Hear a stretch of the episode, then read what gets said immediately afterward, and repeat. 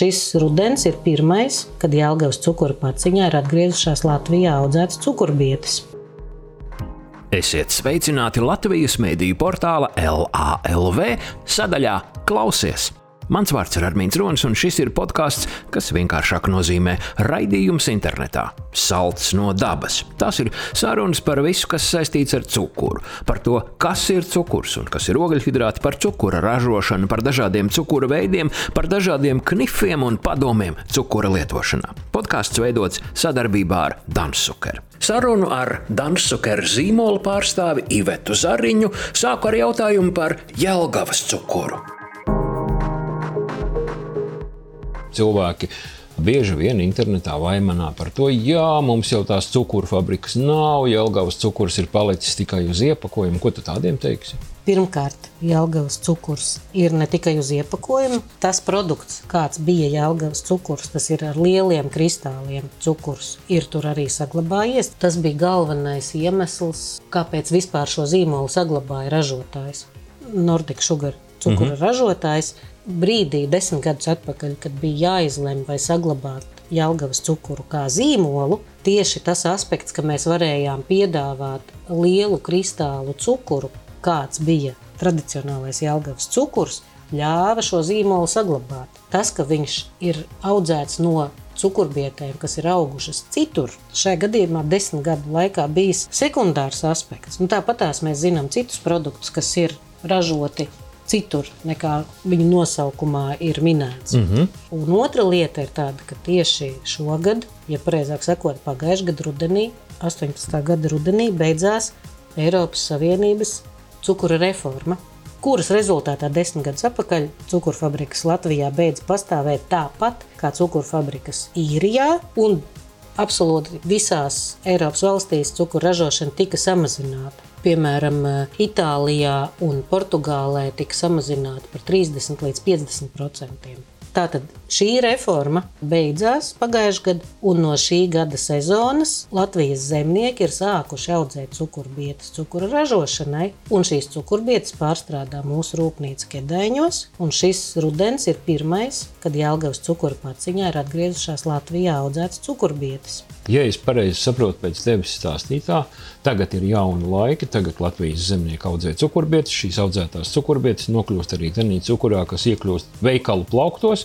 Un Jālgavas cukura lielā unikalitāte ir tas, ka tur tie cukura graudiņi pakā bija lielāki nekā tas ir citur pasaulē. Jā, tieši tā tas arī ir. Jo cukuru ražošanas procesā mēs iegūstam balto kristālisko cukuru, kas kristalizācijas procesā tie graudiņi ir dažādu izmēru. Mm -hmm. Cukura kvalitāte vispār viens no kritērijiem ir cukura kristālu vienmērīgums. Lai viņi visi vienādi. Lai viņi daudz maz vienādi, jā, noteiktos mikronos.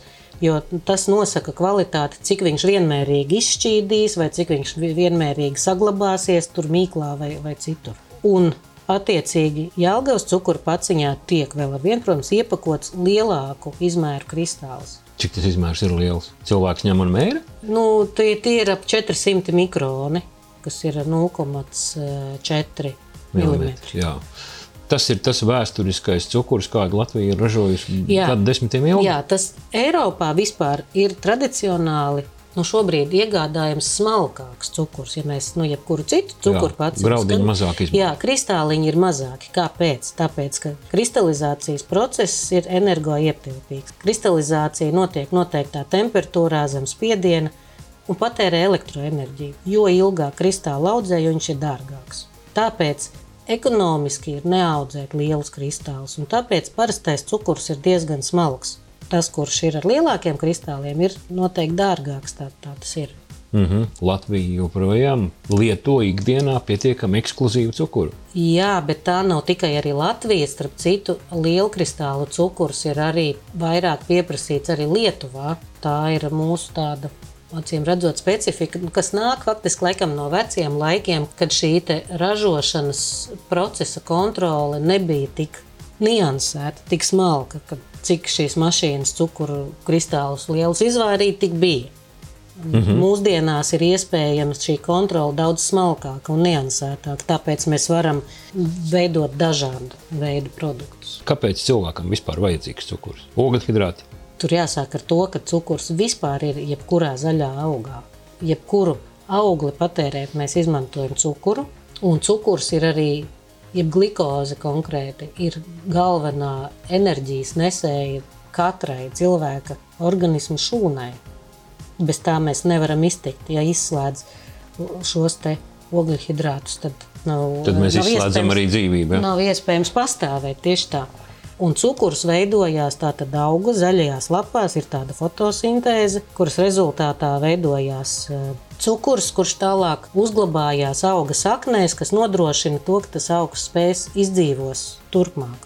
Un faktiski cukuru var iegūt no jebkura auga. Jautājums ir, cik daudz tā cukura ir šajā augā un cik ekonomiski izdevīgi ir šo cukuru iegūt. Mēs zinām, ir no kokosriekstu cukurs, palmu cukurs, bērnu sulas cukurs un kas vēl ne. Bet eh, tā nu ir sanācis, ka cukurbietēs un cukurniedrēs cukura ir visvairāk - 16, 18, pat 20% cukurniedrēs. Tā tad ir ekonomiski izdevīgi nodarboties ar cukuru iegūšanu tieši eh, no šiem augiem. To cukuru cilvēks gribēs dabūt no dažādiem augiem. Agavi, piemēram. Tas kaut kā velk uz tekilas puses. Tā jau arī ir tekila faktiski no agaves cukura. Agave ir acīm redzot gana salds augs, bet ar agavi ir tā, ir tāds agaves sīrups, jā, jeb nektārs. Šis produkts arī, ko mēdz lietot, taču ar to ir situācija tāda, ka agavē ir ļoti daudz tieši fruktozes, ne saharozes vai glikozes, tieši fruktozes, un viņā ir tādi ogļhidrāti, ko sauc par fruktāniem, kas ir zinātniski ir atklāts, ka šiem fruktāniem ir ļoti labvēlīga ietekme uz insulīna līmeņa regulāciju un vielu maiņu, bet brīdī, kad no agaves tiek iegūts sīrups, jo šis sīrups tiek iegūts ļoti līdzīgā veidā, kā iegūst no cukura. Mm -hmm. Tad, tad spiediena apstākļos ar enzīmiem turklāt šie fruktāni tiek sašķelti un sašķeļoties viņi izveido fruktozi, parastu monosaharīdu. Un ar fruktozi situācija ir tāda, ka ja glikozi cilvēka organisms uztver ar visām viņa šūnām, tā ir galvenā enerģija, tad fruktozi pārstrādā tikai aknas Un, ja fruktozes daudzums ir pārsniedz tādu nelielo apjomu, ko mēs iegūtu, teiksim, patērēt vienkārši augļus, dārzeņus un nedaudz cukura, šim daudzumam aknas ir piemērotas, bet ja fruktozes sīrupa daudzums ir lielāks par proporcionālo mm, dabisko, jā, tad pastāv risks, ka var veidoties, ja nu, zinātnieki runā par to, ka mm, fruktozes ietekme uz aptaukotās aknas saslimšanu. Mm -hmm. Fruktoze par daudz, ritīgi par skādi. Salds no dabas. Droši vien, ka tev, kā cilvēkam, kas pārstāv cukuru zīmolu, pietiekami bieži iznāk sadurties ar negatīvu viedokli pret cukuru. Kaut gan tu nu pat lieliski pamatoji, ka bez cukura nav arī dzīvības. Savukārt, cik daudz cukuru lietot, tā ir katra cilvēka atbildība. Vai viņš to cukuru pārvērš kaut kādos uzkrājumos, piedodiet, taukos vai nepārvērš, nu, tas ir kā katra sava darīšana. Es tur gribu vēl iebilst. Piebilst par to, ka Pasaules veselības organizācija iesaka cukuru ierobežot. Un, protams, ka tā ir mūsdienu pasaules problēma, ka pievienotā cukura daudzums var būt pārmērīgi liels, un tāpēc Pasaules veselības organizācija iesaka samazināt uzņemtā cukura daudzumu līdz 10% no kopējās dienas kaloritātes. Tas ir vidējs cilvēks, kurš piemēram sver 80 kg, dienā patērē 2200 kalorijas. No tām līdz 10% viņš var uzņemt ar pievienotu cukuru. Vēl tālāk Pasaules veselības organizācija iesaka ideālā gadījumā samazināt līdz 5%, kas ir tātad, nu, 25, 30 grami dienā. Cilvēks uz cukuru skatās ar karotīti. Runa ir par pievienoto cukuru. Tas nozīmē tas cukurs, kas ir cukurtraukā uz galda. Tas ir pievienotais cukurs. Tas, kas ir cukurtraukā, bet arī tas, kas ir pievienots. Nu, piemēram, dzērienam vai, vai maizei, vai kas nepiemīt, dabiski nepiemīt produktā. Mm -hmm. un, un tur ir viena, vēl viena tāda problēma, jeb iespēja cilvēku tādai nesaprašanai, ka Tur ir tāda maza nianse, ka, ka šajā pievienotā cukura skalā ietilpst arī cukuri, kas sīrupu un dzērienu sastāvā. Bet, ja mēs aplūkojam pārtiks produktu etiķetes, tad tur ir norādes par uzturvērtībām, no kurām ir tātad tauki, olbaltumvielas un ogļhidrāti. Tā skaitā cukuri. Un šī skalā ir nevis pievienotais cukurs, bet visam produktam kopā piemītošais cukurs. Tā viens spilgts piemērs ir medus. Ja mēs skatāmies veikalā nopērkamu medus uzturvērtību skalu, tur ir rakstīts, ka tajā atrodas 82% cukura. Bet tas ir medum dabiski piemītošais. Otrs piemērs ir jogurts. Mēs bieži sakām, ka dā, jogurtā ļoti daudz cukura. Bet neaizmirsīsim, ka piena cukurs, laktoze arī ir cukurs.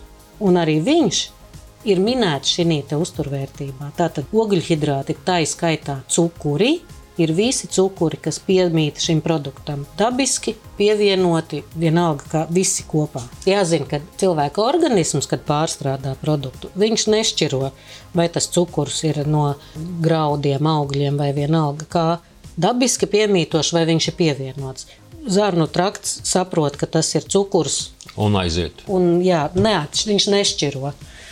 Līdz ar to no cilvēka viedokļa tam nav tādas nozīmes. Kas ir cukurs? Cukurs ir saharoze. Baltais galda cukurs ir saharoze, kas sastāv no fruktozes un glukozes. Tie ir monosaharīdi. Pamat visvienkāršākās molekulas, viena molekula - fruktoze un glukoze.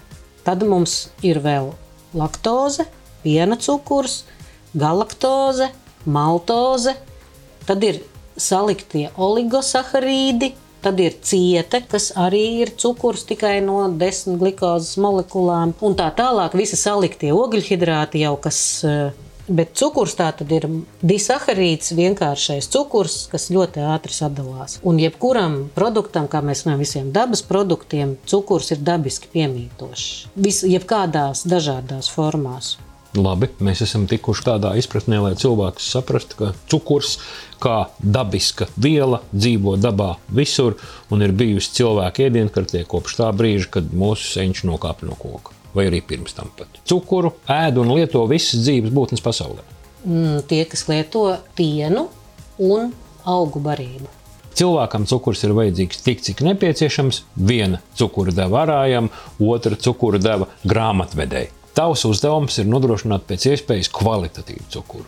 Un ko liela ražotāja izpratnē nozīmē kvalitatīvs cukurs? Balto cukuru visvienkāršāk kvalitāti novērtēt ir pēc diviem parametriem. Viens ir cukura kristāla vienmērīgums, ko es jau pieminēju, mm -hmm. un otrs ir uh, cukura krāsa, jeb pareizāk sakot, bezkrāsa. Jo cukurs, cukurs, balts? cukurs nav balts. Nu? Cukurs ir kristāls, un kā kristāls viņam nepiemīt krāsa, bet kristāla šķautnes, šķeļot gaismu, rada baltu krāsu. Tāpēc tieši šī īpašība ļauj novērtēt cukuru kvalitāti. Ja viņš ir dzidrs un spožs, tas ir tīrs, kvalitatīvs cukurs, tīra saharoza, kristāla tīra. Ja viņš ir uh, miltains, tāds uh, blāvs cukurs, tas nozīmē, ka viņš ir uh, Tur ir daudz pudercukura iekšā, viņš ir sabērsts putekļains. Tas arī samazina viņa uh, kvalitatīvās īpašības. Nu, nerunājot par to, ka, ja viņš ir uh, citas krāsas iedzeltens, piemēram, nu, tad uh, viņā ir ļoti daudz necukuru piemaisījumu. Te mēs runājam par balto cukuru. Mm -hmm. Ja mēs runājam par brūno nerafinēto, kurš arī ir iedzeltens, vairāk vai mazāk tumšāks vai gaišāks, šī krāsa veidojās no tā, ka cukurā tiek saglabāta melase. Ja precīzāk sakot, cukurs pēc kristalizācijas netiek skalots, tīrīts, bet izžāvēts ar visu melasi. Un melases sīkās necukuru daļiņas ir tās, kas e, rada šo zeltaino toni. Mums ir jāizstāsta par cukuru ražošanu kur tu noteikti esi bijusi nevienā rūpnīcā un redzējusi, kā tas izskatās un notiek. Lai mēs izskaidrotu mēlasi, cukuru, cukurbietas, cukuru niedrus un visu pārējo. Jā. Ja mēs pārunājam cukuru radīšanas procesu, zemnieks audzēja noteikti šķirnes cukurbietas, mm -hmm. novāc viņas noteiktā laikā un nodod cukura pārstrādes rūpnīcā, saņem par to, to atlīdzību, par kādu vienojies. Tālāk cukurbietas, nezinu, Manā jaunībā Jālgavas cukurfabrikā stāvēja lielas kaudzes to nopirkto cukurbiešu un tālāk ar viņām strādāja. Tieši Tā ir arī tagad. Jā, jā, tieši tā Un kas tālāk notiek? Tieši tā tas arī notiek. Faktiski tā, rudenī cukurbietas tiek novāktas. Tā tieši tā kā tu teici, kaudzēs pie rūpnīcas gaida savu kārtu. Mm. -hmm. Un cukuru pārstrādes sezona notiek no septembra līdz apmēram jaunam gadam. Kamēr visas bietas tiek pārstrādātas. Un kā tas notiek? Vispirms cukurbietas tiek rūpīgi nomazgātas, no Zemes un vis kaut kādiem jā, gružiem. jā. at, atdalīti visādi akmeņi, kas tur ir iemaisījušies, un vēl visādi nepiemēroti svešķermeņi. Tad cukurbietas tiek sarīvētas skaidiņās, un šis skaidiņu biezenis tiek vārīts, karsēts, pareizāk sakot, ūdenī 70 grādos, kamēr izvārās un atbrīvojās viss cukurs, kas ir skaidiņās. Tad skaidiņas tiek eh, nofiltrētas nost, un vēlreiz viesula tiek filtrēta caur kaļķa filtriem, un kaļķis reaģējot savāc atkal visus biezumus, un pēc tam šo te, nu jau ar cukurbiežu biezumiem ba- bagātināto kaļķi ved atpakaļ uz lauka un mēslo eh, lauksaimniecības zemes. Tu saki, bieza sula. Ko tas nozīmē? Viņa tiešām ir tāda bieza, Jā, viņa ir ļoti bieza, kā sīrups vai kaut kas tamlīdzīgs. Nu, jā, tā var teikt. Nu, jā, Labi. biezs biez sīrups, kurš tad atfiltrējot biezumus, varbūt kļūst mazliet, mazliet vieglāks, bet tad pēc filtrēšanas mēs runājam par melasi. Un melase ir cukurbiešu vai cukurniedru sula, kurā ir cukurs, bet viņš vēl nav kristalizējies. Un par melasi vēl runājot, starp citu, tāda svarīga nianse, kad ja mēs runājam par brūno cukuru, tad eh, cuku, no cukurbietēm brūno cukuru neražo, jo cukurbiešu melasē piemīta nepatīkama rūkta tāda garša. To arī tie, kas pie cukurfabrikām dzīvo, atcerās un zina, Jā. ka šī smarža, kas valdīja rudeņos, Tāda bija saldena, jocīga. jā. visai Nu, nepatīkama. nesevišķi patīkams. Jā, maržs, jā. tāpēc brūno cukuru no cukurbiešu melases netaisa. Brūniem cukuram izmanto tikai cukurniedru cukuru. Viens izņēmums ir eh, farīna cukurs, kas ir Skandināvijā radīts produkts. Farīna cukurs apvieno vietēji audzēto cukurbiešu kristālus un garšīgo cukurniedru melasi. Tas ir vienīgais produkts, kurā melase tiek pievienota papildus un bagātināta cukurs bagātināts ar melasi. Tāpēc viņš ir arī visbrūnākais no visiem, viss eh, tāds mīkstākais un dzīvākais, un ar visintensīvāko garšu un krāsu. Mēs cukuru apstrādes procesā Jā. palikām pie Pie- kas jā, tagad pie- ir iegūta, izfiltrēta cauri kaļķa filtriem, palikusi mazliet dzidrāka. Tālāk, un melase tiek iepildīta augstspiediena katlos, un sākas kristalizācijas process. Mēs esam visi redzējuši skolas laikā, kā notiek kristalizācija, kad mēs eh, no sāls šķīduma uz vilnas diedziņa audzējam Mhm. sāls kristāliņus. Tieši tāpat notiek arī cukura kristalizēšanās.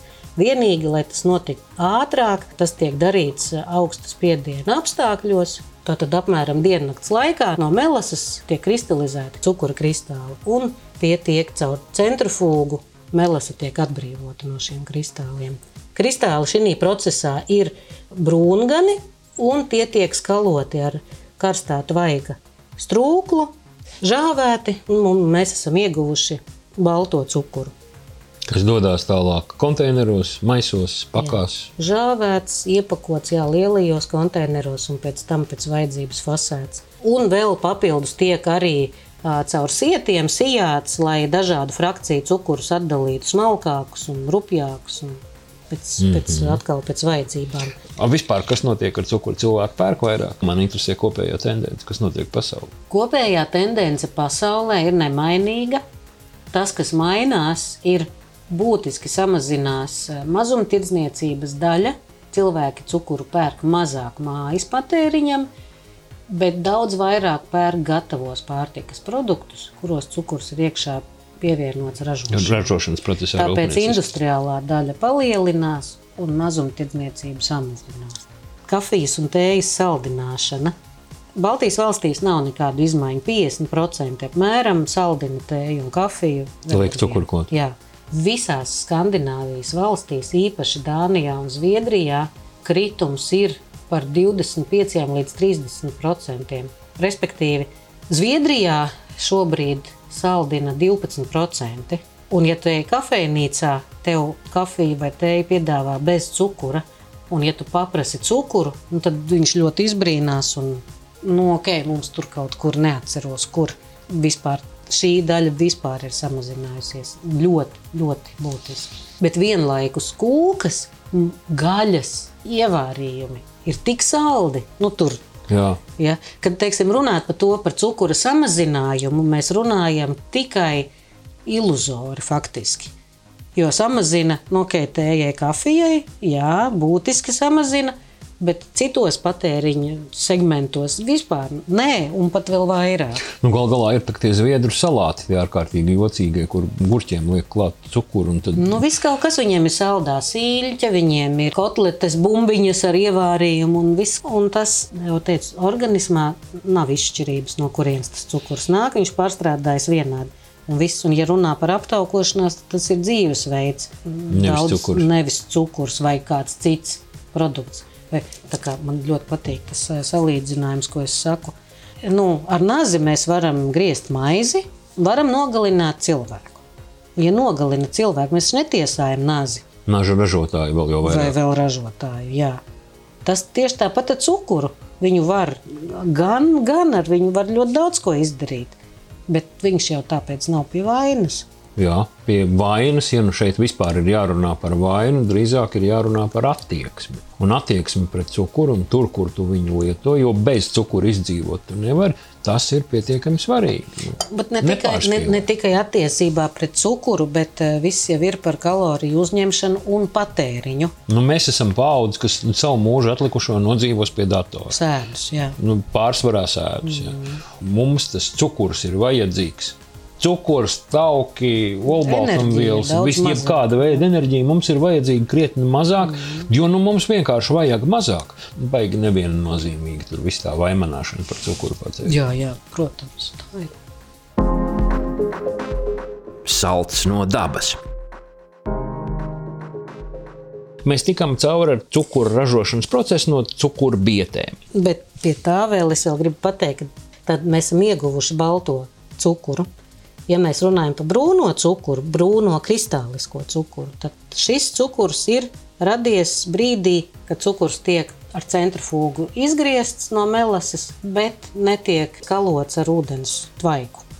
Šis te ir brūnais cukurs, kuru tad žāvē kopā ar visām melases atliekvielām mēs iegūstam brūnu kristālisku cukuru. Ja mēs runājam par muskavādo cukuru, kas ir no spāņu valodas jēlcukurs, tieši jēlcukurs, tad šis ir cukurs, kas ir radies pirms kristalizācijas. Ja pareizāk sakot, pašā kristalizācijas sākumā, kad melasē sākas kristalizācija, tad uh, drīz vien, kad tikai pirmie cukuru kristāliņi sāk veidoties, šo masu, kas ir jēla cukura formā, tad uh, žāvē. Viņu arī nevar izžāmēt pilnībā, jo melases koncentrācija ir pietiekami liela.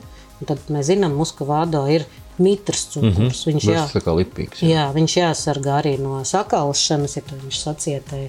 Un viņu vairs nevar izmantot. Bet šis ir tas jēlcukurs, kas ir radies pašā kristalizācijas sākuma posmā. Un, ja mēs runājam par cukura sīrupu, ko tu pieminēji, tad mm -hmm. tas ir radies pēc baltā cukura. Jo, un te mums jāatcerās, ko es minēju par, par eh, saharozes sastāvdaļām, fruktozi un glikozi. Jo, lai iegūtu sīrupu, viņu invertē. Ko tas nozīmē? Enzīmu un atkal spiedienu ietekmē saharoze tiek sadalīta fruktozē un glikozē. Un sadaloties, viņi izšķīs. Tādā veidā cukurs kļūst šķidrs un viņš vairs nekad nesacukurosies atpakaļ. Kam to izmanto? Pirmais, kas nāk prātā, ir bites. Bites piebaro Ziemā mēs zinām ar cukuru, bet labāk ir piebarot ar, tieši ar invertēto cukuru, jo šādā te viena molekulu sadalītā stadijā bite daudz vieglāk viņu izmanto un radītais medus arī nesac. Nu, vēl jau cukuru cīrups aiziet kā konditorijā. Un otrs virziens jā, ir maizes ražošanā, jo auga sēnītes arī daudz vieglāk izmanto šo te invertēto sīrupu nekā cukuru kristālus. Droši vien, ka visu cukuru karalis ir parastais baltais cukurs, saharoze, tātad glukozes un fruktozes disaharīdi, abu divu cukuru molekulas kopā. Tas ir tas, pie kā mēs esam pieraduši un kas ir vissenākais. Es gribētu saprast, kāpēc vēl kaut ko vajag. Ja jau mums tas baltais cukurs ir uz galda, nu, mēs viņu arī varam lietot visur citur. Kāda vēl un pēc cilvēkiem vajadzīga vēl kaut kāda cukura? Kāpēc tu moci sev un nevis strādā ar balto cukuru, bet ņemies ar visādiem brūniem, moskavādo un ko tikai vēl ne? Nu, viens ir dažādas garšas, otrs ir ērtība, un trešais ir cukurs, kas ļauj samazināt cukura patēriņu. Tie ir ievārījumi cukuri. Ievārījumi cukurs ar pektīnu, marmelādes cukurs un pat slaidais cukurs Mums ir tāds eh, jauns produkts, eh, kas ļauj ievārījumā pievienot tikai vienu ceturto daļu cukura. Šie ir produkti, kas ļauj eh, ievārījumu gatavošanu padarīt daudz vieglāku, vienkāršāku un arī vienlaikus samazināt nepieciešamo cukuru daudzumu. Jo mēs zinām, ka tradicionālā ievārījumā vajag kilograms uz kilogramu. Kilograms uz kilogramu, jā, jo viena no būtiskākajām cukuru īpašībām ir bez saldināšanas ir tieši konservējošā īpašība. Un tad tīrs cukurs kā konservants darbojās, ne, ne viņš nepieciešams diezgan lielā proporcijā. Mm -hmm. Tāpēc šie ievārījumi cukuri ir tieši ar mērķi palīdzēt kaut kā samazināt šo cukuru proporciju.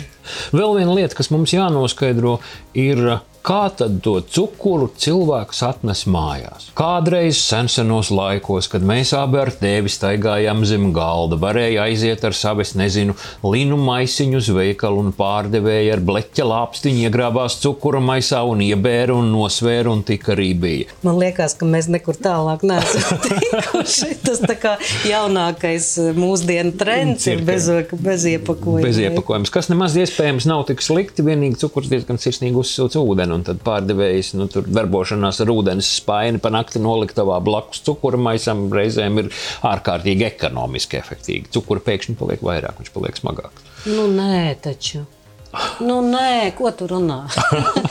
Cukurs, tad, kad samirkst, viņš sacietē, viņš salīp. Tu nevari pārdot mitru cukuru, viņš ir sacietējis akmenī. Nu, tad es esmu dzirdējis vienu no veikalu leģendām. Man ir, man ir teikts, ka senos laikos viltīgās pārdevējas pa nakti cukuru maisam ir likušas ūdens. Es nezinu, ko tikai cilvēki neizdomā. Nu, labi. nu, un leģendas droši vien arī nav, nav nekas slikts. Nu, kaut vai tāpēc, ka jautri. Bet iepakojums tomēr ir pietiekami svarīgi un pietiekami nopietni. Ir taču ārkārtīgi nepatīkami izcelt no maisiņa cukuru paku, kur pēkšņi tavās rokās sadalās reizinātājos, un tu iegūsti ļoti daudz cukuru uz grīdas, piemēram. Cukuru iepakojums mūsdienās, kāds tas ir? Kādas ir tās prasības, kuras liels ražotājs izvirza cukura iepakojumam? Pirmkārt, iepakojumam jānodrošina cukura realizācija realizācijas termiņa uzliktās prasības. Un uzglabājot piemērotos apstākļos, tas ir sausā, istabas temperatūras mm -hmm. vai, vai kādā nepārāk augstā vietā, bet galvenais, lai tā ir sausa un bez smakām, cukuram ir neierobežots uzglabāšanas termiņš. Kā medus mūžīgs, tāpat arī cukurs. Jā. Cukuru var noteikti uzglabāt ļoti, ļoti ilgi. Viņš nepaliek slikts, jo tā ir tīra viela, tīra no, no dabas iegūta tīra viela. Bet droši vien jautājums, ko tu gribēji jautāt, ir par to, vai papīra tūtiņā, vai plasmasas maisiņā, vai plastikāta. Jā, gan. Cukuram ir tā, Latvijā starp citu viskvalitatīvākais cukurs Tātad pircēju uztverē viskvalitatīvākais ir cukurs papīra iepakojumā. Un papīra iepakojums ir tas, kas garantē gan kvalitāti no tāda viedokļa, ka papīra iepakojums elpo un cukurs elpo. Bet, protams, vienlaikus viņš arī pastāv risks, ka viņš var savilkties ar mitrumu un sacietēt. Mm -hmm un sabojāties attiecīgi. Bet, ja nodrošina to, ka šis mitrums netiek klāts, tad, protams, tad papīra iepakojums ir elpojošs un dabisks. Un viņu var pēc tam izmantot kaut kam citam vēl. Polietilēna plēvīte, protams, ir lētāka, varbūt mazliet vieglāka, bet neelpojoša. Cukuru kvalitātei tas neko būtisku nemaina. Vienīgais brīdis, kad mēs varam sajust mazliet polietilēna plēves, nu, teiksim, sliktās īpašības, ir rudenī, kad cukurs ir tikko saražots, svaigs. Mm -hmm. Viņš vēl nav izvējojies, uzglabājot, Un, ja šāds te pilnīgi svaigs cukurs tiek iepakots plēvē, šī smaka netiek ārā, un tad atverot to plēvīti, var sajust cukurbiešu aromātu kam cilvēkam, kurš nezina, kas tas ir, var likties dīvaini. Nu, tad ļoti reti gadās, bet gadās rudeņos. Lūk, bet uh, viena interesanta lieta ir tāda, ka salīdzinot ar Latviju, kur papīra iepakojums tiek uztverts kā kvalitatīvākais, Vēsturiskā tradīcija. ja Lietuvā ir tieši otrādi. Lietuvā papīra iepakojums skaitās lēts un eh, nekvalitatīvs, bet eh, plastikāta maisiņi ir tieši tie, kas liecina par vislabāko kvalitāti. Nu, tas nozīmē, ka rūpnīcai ir jāražo savs cukurs papīra iepakojumā Latvijai un savs cukurs plasmasas iepakojumā Lietuvai. Tā tas notiek. Nu, tā tas notiek arī Latvijā. Mēs jau varam nopirkt gan papīra iepakojumā, gan plastikāta, un uh, pēc vajadzības un pēc vēlmes. Nu, es personīgi arī domāju, ka papīra iepakojums ir kvalitatīvāks, jo viņš ir dabisks, viņš ir otrais pārstrādājams. Mm -hmm. Viņš ir elpojošs, papīra iepakojumā, cukuru paciņu es varu nolikt plauktiņā, un viņi negāžās, un tā tālāk. Un pēc tam, kad ir iztukšota paciņa, es tur ielieku vēl zāļu tējas, glabāties. Paldies, Iveta, par sarunu. Paldies arī jums, ka klausījāties.